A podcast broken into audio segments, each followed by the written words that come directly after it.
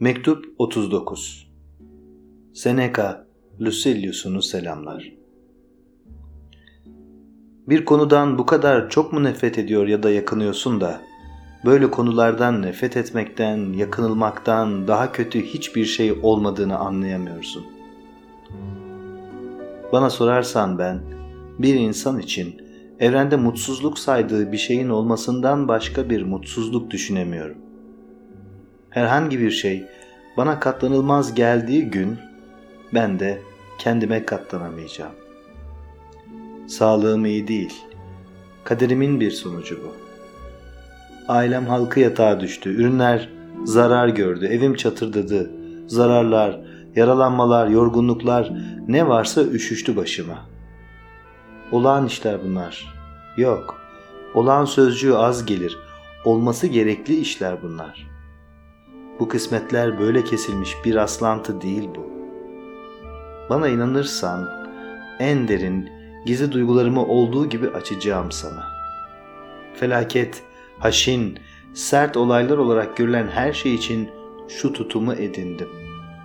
Tanrı'ya boyun eğmiyorum, onun iradesine uyuyorum. Tanrı'yı yürekten izliyorum, zorunlu olduğum için değil. Başıma ne gelirse gelsin, üzülmeden, yüzümü buruşturmadan karşılayacağım. Üstüme düşeni seve seve yerine getireceğim. Sızlanmalarımız, bizi ürküten her şey bir yaşam vergisidir. Bunlardan arınmış olmayı Lucilius'um ne um ne de iste.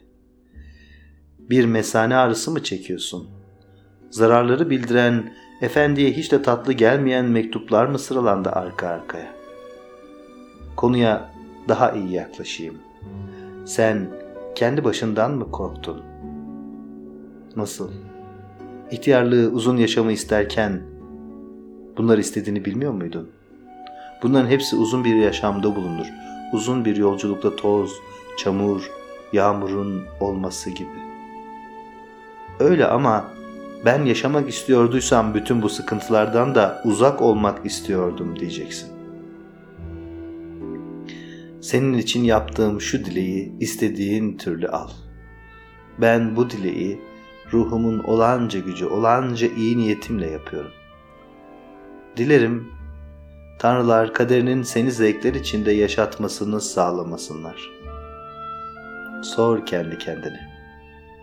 Bir tanrı sana seçme olanağını verseydi bir çarşıda mı yaşardın, bir ordugahta mı? Yaşamak da Lucilius askerlik yapmaya benzer. Bu yüzden yaşamın kargaşası içinde çileler, güçlüklerle boğuşarak orsa boca yol alanlar, çok tehlikeli girişimlere atılanlar, çok güçlü kişilerdir. Ordugahın en önde gelenleridir. Başkaları çalışırken tembel tembel yatanlar, küçük kumrular gibi hakarete uğrama pahasına güvence içinde olurlar. Sağlıkla kal.